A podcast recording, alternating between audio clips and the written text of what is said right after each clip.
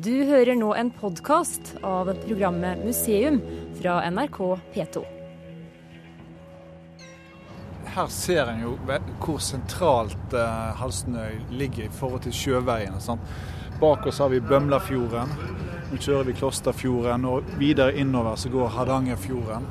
Og her ligger denne flate øyen eh, Halsnøy.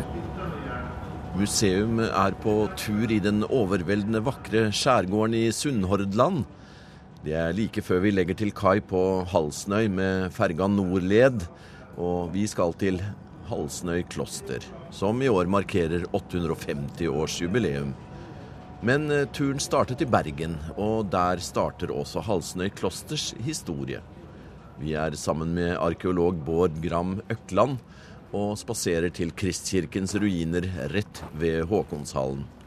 Det var en begivenhet her som mest sannsynlig bidro til augustinerklosteret på Halsnøy. Så dette her er jo kroningskirken i Bergen i middelalderen. Ja, Vi er ikke langt unna Mariakirken. Nei, Mariakirken ser vi motsatt ende. Og, og Håkonshallen. Håkonshallen ligger i all sin prakt. ja, nesten vegg i vegg med der som Kristkirken sto. Dette var jo eh, her kongene og dronningene, mange Her. av de fra middelalderen, lå begravet. Da går vi en allé, og i enden på den så ser vi supply-skip og ankerhåndteringsskip for norsk moderne oljeindustri. Og her står en uh... Ja, det, det er en, uh, minnesmerke som står der uh, høyalteret i Kristkirken en gang var. Og her står det uh, hvem som har blitt kronet og begravet der. Og Og vår mann her er kong Magnus Erlingsson. ja, i 1163-64 så ble kong Magnus Erlingsson kronet i kirken her. Og det var den første kongekroning i Norge. Og det var her, sier du, at akkurat her vi står nå, som kroninga har, har skjedd. Ja, her, her oppe med høyalteret så er det en, markert en liten eh, hellelegning som viser hvor eh, det sentrale området her har vært. Og her, akkurat her må vi tro at eh, Magnus ble kronet i 1163-64. Ja. Og nedover her i kirken så har det vært sikkert fullt masse folk samlet den dagen. Han var ikke gammel, Nei, han var syv år. og han eh, var sønn av ikke hvem som helst. Nei, Magnus var sønn av eh, Erling Skakke, som igjen var gift med eh, Kristin, som var eh, kongsdatter, og datter til Sigurd Jorsalfaret. Da svinger det Ja, Magnus han var helt i toppsjiktet i, i, i Norge, helt i toppen av eliten. Ja, og det kan være den begivenheten her, altså giftermålet, som bidro til Halsnøy kloster, som vi nå skal til. Ja, det, eh, det var eh, altså Erling Skakke han trengte eh, for å fremme sin makt eh, i forhold til andre lendmenn i Norge. Det her var jo en politisk urolig tid. Ja, Så eh, ga han gaver til kirken for å få kirken opp til seg, altså som en allianse til kirken. Og da ga han, eller opprettet han, eh, Halsnøy kloster. Vi nærmer oss Halsnøy. De store traversgranene ved Aker Stord troner i vest. Uten å vite bedre kan en lure på hvorfor en viktig institusjon på den tiden ble plassert nettopp her, tilsynelatende utilgjengelig og langt fra allfarvei. Klosteret ligger i et krysningspunkt, kan man si. Altså Selve hovedleien langs kysten sør-nord passerer jo Halsnøy. Og så har vi altså det innløpet til Hardangerfjorden. Her er det jo flotte fjell i eh, horisonten inn i Kvinnherad og opp i en 1000 meters høyde så med snø på toppen. Ja, veldig vakkert er det i dag, hvor sola skinner og det er blankt hav. Ja, vi vet jo at uh, klosteret drev utstrakt handel, faktisk. Og hadde sin eh, egen gård i Bergen. Sannsynligvis så drev de rett og slett handel på, på England, på linje med andre norske klostre på 1200-tallet. Eh, Det eneste konkrete vi vet, er at eh, det gikk skip eh, til Island fra Halsnøy. Men det er funnet engelsk keramikk på kloster, så enten kan ha kommet via Bergen eller fra havn på England. Med på turen er også kulturhistoriker Hans Emil Lidén.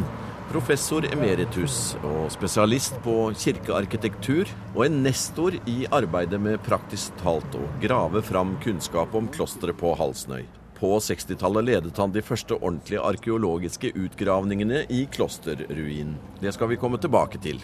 Han har også medvirket til den rykende ferske boka 'Halsnøy kloster til kongen og Augustins ære'.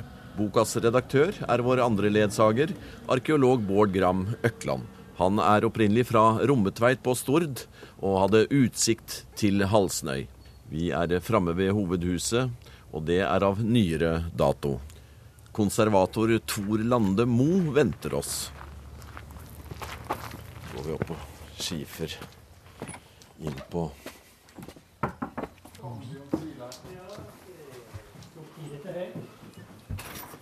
Hei, hei. Jan Ylebekk heter jeg. Gleder meg. Du verden, du. Her var det fra en, en kjølig vårluft ute full av fuglesang og inn i, i hovedhuset her. Med peis, bjelker i taket. Fantastisk flott her, da. Det er jo, eh, for det første så er jo huset bygd i stein. Og det er veldig få hus på landsbygda i Hordaland som er bygd i stein, i hoggen stein. Og for det andre så ser du jo innvendig det er jo enorme mengder med tømmer som er brukt her. Ja, det ser jeg. Så det var en, det var en stor investering som ble gjort eh, da på 1840-tallet, når de bygde dette huset. Ja, Utrolig flott, altså. Har du kjent hvilken atmosfære? Jeg må si huset som kulturminne. Det er veldig lite som er gjort eh, av vegger og flytting og ombygging inni dette huset. Det kan skjønne. Du, Hva brukes dette huset til nå? I dag så er det et kultursenter. Det blir brukt som museum. En har ulike kulturelle tilskipinger. Og så er det en samlingsstad for kunstnere, fotokunstnere fra hele verden, som kommer her og eh, får oppholde seg her en viss tid. Og betale tilbake i form av en utstilling. Akkurat. Det har vi hatt nå i tre år. Ja. Og nå er boka kommet, da. Halsnøy kloster. Nå kommer det til å bli valfart når denne boka når ut. For det er jo et omfattende verk om, om stedet her. Jeg har eh, vært igjennom det meste sånn uten å ha lest alle Uten? setningene. Uten å ha sovna. Ja. jo. Det er, vi er jo veldig glad for at den boka er kommet, og jeg er veldig glad at Bård tok initiativet til å få den ut. Og at vi fremdeles har Hans Emil med oss som nestor i Halsnøy klosterforskninga. Ja. Og vi er godt nøgde med boka. Stort spekter, solid innhold. Og det meste er godt lesende for de aller fleste. Eh, Hans Emil, vil du ha kaffe eller te? Jeg tar gjerne kaffe takk. Ja.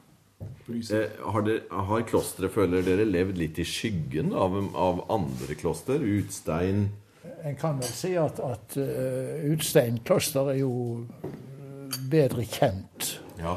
uh, blant folk flest.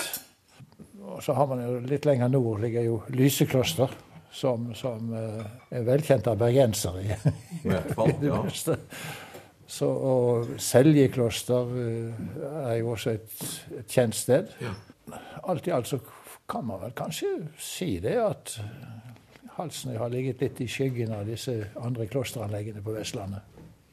Men du, Bård, eh, du følte det viktig nå da, å på en måte etablere et dokument som forteller eh, hele denne historien? Ja, fordi at Halsnøy kloster er kanskje et, ja, for et av de viktigste klostrene i Norge. Og først og fremst fordi at det var en veldig stor jordeier. Spesielt her i Sunnhordland, men òg ned mot Stavanger og ned mot Ryfylke. Helt ned på Jæren eide Halsnøy kloster gårder. Så, så eh, å få dokumentert den, eh, og hvordan klosteret har sett ut, og hvordan en har kommet frem til at sånn ser det ut. Eh, Livet i klosteret. Og det er kjempeviktig å få helheten i det. Så må vi jo heller ikke glemme at godset og gården her, den har jo eksistert lenger som verdslig eh, godseiendom enn som kloster. For etter reformasjonen så gikk det over til å bli kongelig gods. Og på 1750-tallet så solgte en ut godset til oppsitterne. Og da var det hovedbruket her, som òg har navnet kloster, eller Halsnø kloster, det var liksom eh, der bygningene var, og der en tenkte på at det, det var klosteret. Fremdeles så er det jo Futen Andreas Juel som sin slekt Han kjøpte dette her på 1750-tallet, og det er hans slekt som driver gården. Men han solgte da tunet med ruinene til Sunnhordland som forsøker å forvalte det så godt de kan. Som du gjør nå? Ja. Med mat. Vi får spise nå, da. Ja. Det er jo satt fram så mye godt her. Brød og flatbrød og frukt og tomater og ost og smør og alt vi trenger. Museum er på Halsnøy kloster i Sunnhordland. Det ble reist i 1163-1164 som et augustinerkloster. Professor emeritus Hans Emil Lidén og arkeolog Bård Gram Økland har begge dyp kjennskap til klosterets historie. Konservator Tor Lande Moe ved Sunnhordland museum er verdt, men før vi forlater hovedhuset for å se de virkelige klosterruinene, skal vi ned i kjelleren og studere de mest forseggjorte gjenstandene som er igjen fra klosterets første tid. Vi tar en tur ned i kjelleren, og så kan vi gå ned og se på eh, brønnen i eh, indre kjernen. Oi, se her, det. Det var en bratt trapp. Ja, det er kronglete over. Det er ikke bare bratte fjell på Vestlandet, men trappene her Dypt ned i kjelleren. Se her. Oi. Se her er det steiner som det som er bearbeida, som det lukter gammelt av. her ligger gammel bygningsstein, løse deler av bygningsstein fra klosteret. Og her er heller eller fliser, rettere sagt. Ja, fra kirkegulvet, eller? Kirkegulvet ja. i middelalderen. Ja. Så uh, det er glasert og fargerikt. Det er litt vanskelig å se fargen i mørket, ja. men det er litt sånn grønnskjær i, i um, flisene. Ja. Her er murstein og kleberstein. Her er altså den eh, steinen som ble funnet under utgravingene i 1960. Og jeg tror kanskje Hans Emil kan uttale seg best om den. Ja, du husker vel den, tenker jeg? Ja, det gjør jeg. Et praktstykke. Og det er jo eh, Ja, det er nettopp det det er. Sannsynligvis så, så stammer denne enten fra en portal eller en, en vindusåpning. Og eh, den, som du ser, så er den altså da ja, gjen, gjennombrutt. Og det er altså da en fin gotisk ranke som, som da vi ser her på en, en del av på denne steinen her. De og kunne det, sine saker, da? Ja da. Og det må jeg jo si at dette er, er som vi sier i Bergen, er litt av et stykke. Når vi nå ser på disse kleversteinene fra klosteret her, så er det spesielt én stein som jeg har lyst til å peke på. Og det er den steinen der som er altså et søylehode. Eller et kapitel. Ja. Og eh, det er et kapitel av en helt spesiell type som vi gjerne kaller for foldekapitel. Og til, helt tilsvarende kapiteler finner vi bl.a. i korsgangen i Lysekloster. Og vi finner dem i, i Mariakirken i Bergen. Tilsvarende kapitel i Onarheim kirke på Tysnes. Men dette er kapiteler som kan dateres temmelig presist til omtrent midten av 1100-årene. Og eh, det vil altså si at dette kapitelet må stamme fra klosterets første bygningstid, fra 1160 og, mm. og utover. Men det er en av de få steinene som virkelig er daterbare på stilmessig grunnlag. Av de steinene som er bevart fra klosteret. Ja, og som ligger nå i kjelleren her i hovedhuset like ved, ved brønnen. Det er et magasin det her nå da, faktisk? Jeg har tenkt å ha en utstilling her fra utgravingene på 1960-tallet. Som Lidén leda? Stemmer.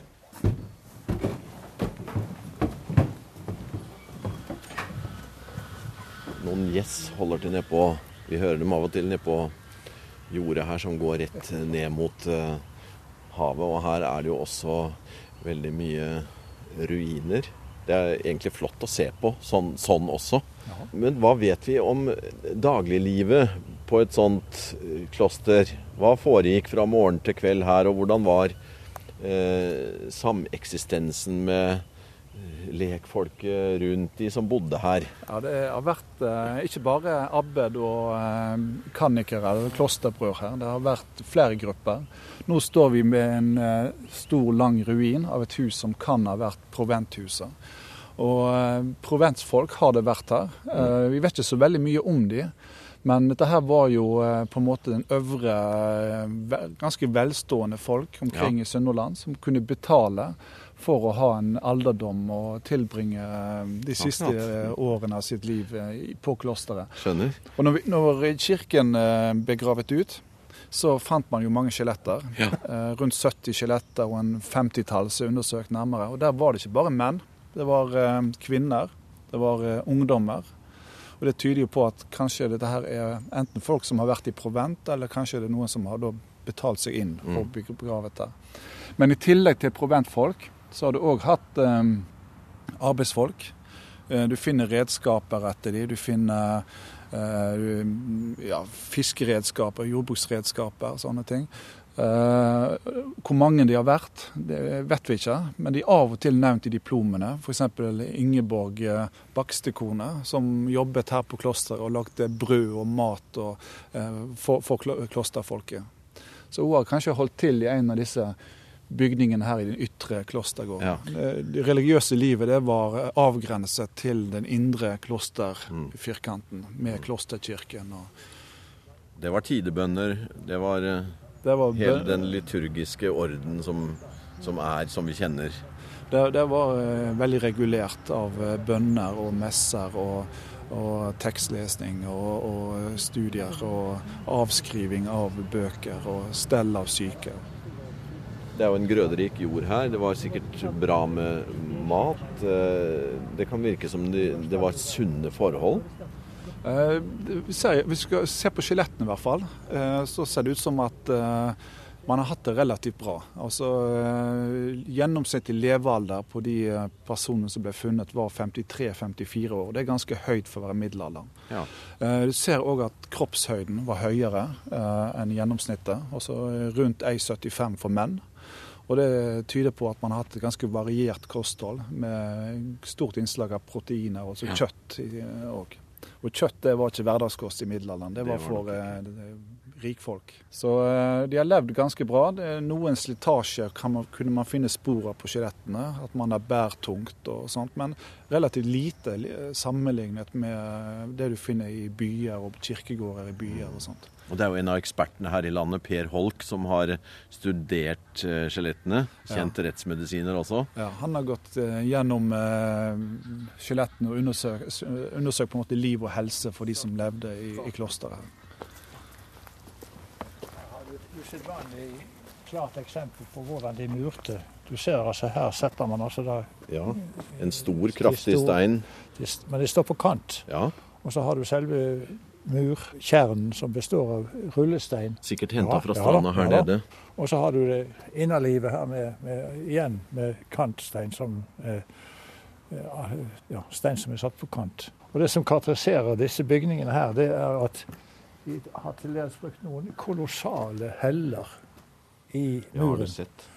Dette her, eh, Hvorfor de har gjort det på den måten, det er litt vanskelig å Men for oss nå så, så gir det en veldig fin struktur. Ja, og eh, kanskje det er sånt litt, litt, lite moment av skryt i dette her. Ja. Med å få de store steinene inn i muren for Ja. å simpelthen å imponere folk som kommer og ser på det.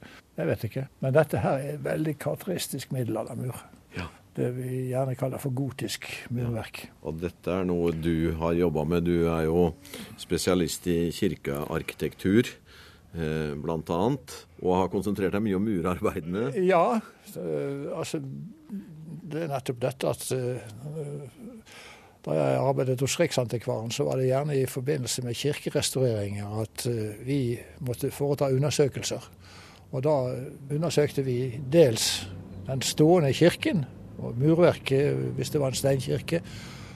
Eh, Men vi drev også utgravninger under gulvet i disse kirkene. Men det var jo altså en form for arkeologi, bygningsarkeologi, som eh, bringer oss utover dette med en stilmessig datering av, av bygningene. Vi var mer opptatt av de, hvordan de arbeidet. Når eh, du og dine medarbeidere kom hit på 60-tallet, hva, hva forventa dere, og hvordan ble eventuelt forventningene innfridd her? Hva fant dere? Ja, vi startet med selve kirken, fordi eh, den var jo den mest interessante Ja. bygningen. Det var den vi visste minst om. Så det vi gjorde, det var å grave et, et stort tverrsnitt tvers over kirketuften. Der borte, ja. Og for å, å, rett og slett undersøke fundamentene, altså murfundamentene i kirken. Mm. Og så dukket jo altså da dette overraskende, det vi kalte for midtmurfundamentet. Det er altså det fundamentet som nå ligger ja. midt i kirken. Ja. Det dukket opp, og det var helt uventet. Det ante vi ikke eksistensen av før vi begynte å grave. Og Da viste det seg at dette såkalte midtmurfundamentet, det var etter alt å dømme rester av nordmuren i et opprinnelig kirkebygg som ble bygget her i annen halvdel av 1100-årene. Og så må dette kirkebygget ha vært enten ødelagt av en brann eller revet. Og så har de altså bygget et, en langt større kirke. Ja. Og den kirken kan vi datere tiden omkring 1300. Altså pluss-minus noen år. Nettopp. Fant dere noe som uh, vitna om det menneskelige liv som, uh, som fylte denne kirken og dette området? Ja, for, for, så vidt som at vi, det vi fant, var en, en, en rekke graver. Og eh, gravene også, kunne også dateres relativt, slik at vi så tydelig at det var noen av gravene som var eldre enn den store kirken. Ja.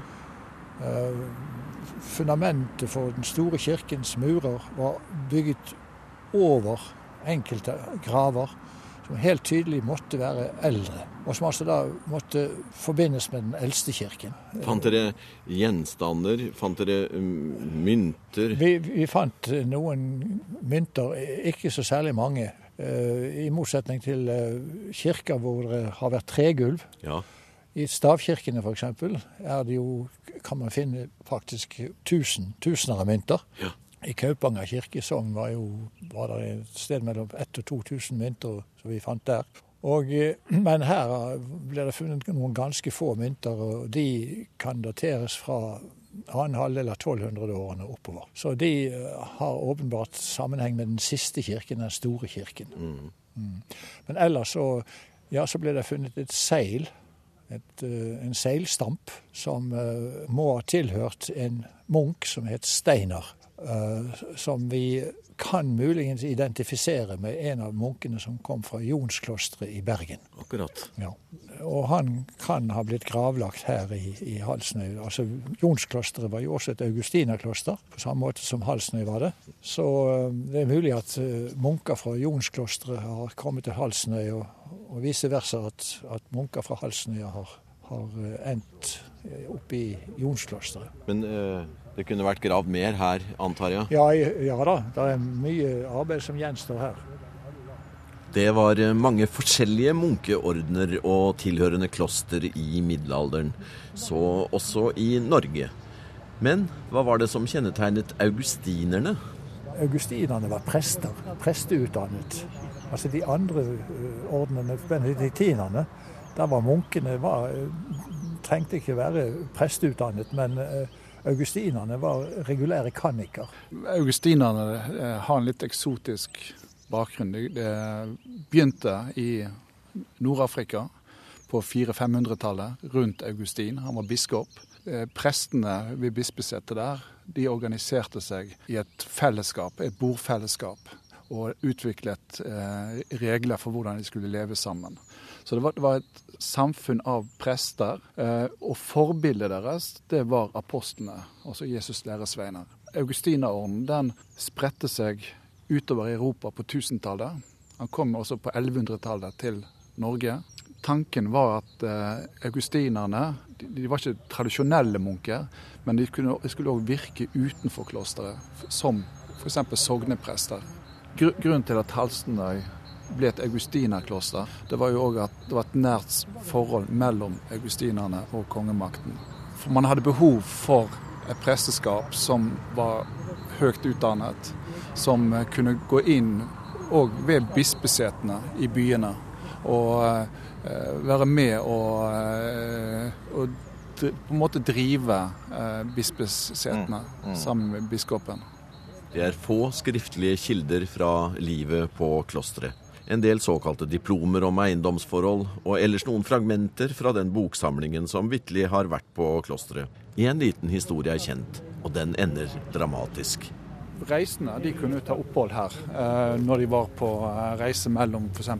Bergen og Stavanger og ja, på kysten. Og vi vet at en gang i 1511 så var det en gruppe soldater som var på klosteret her, sikkert på reise.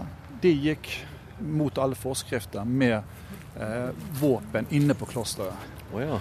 En av de han gikk med ladd armbrøst, og det hadde ikke man lov til. Og da gikk eh, abben, han heter Olav, han gikk eh, bort til han soldaten og ba han eh, legge vekk det her våpenet. Og det nektet han, og det ble slåsskamp mellom dem. Han, abbeden han ble slått sånn at han, blodet begynte å renne, sto det. Og så var det en tjenestegutt, en, en, eh, en av arbeiderne på, på klosteret, som grep inn, forsvarte abbeden. Og han ble da stukket ned med spyd i Og det, skjedde, i, det er nesten her vi står nå? Ja, det skjedde her vi står nå, med porten drap, til faktisk? kloster. Ja, et drap. Det er en av de få kan vi si, arbeiderne eller de, som vi kjenner navnet på. da. Ja. Tord heter han. Han ble drept her i porten, inngangen til klosteret. Du har nå hørt en podkast av programmet Museum fra NRK P2.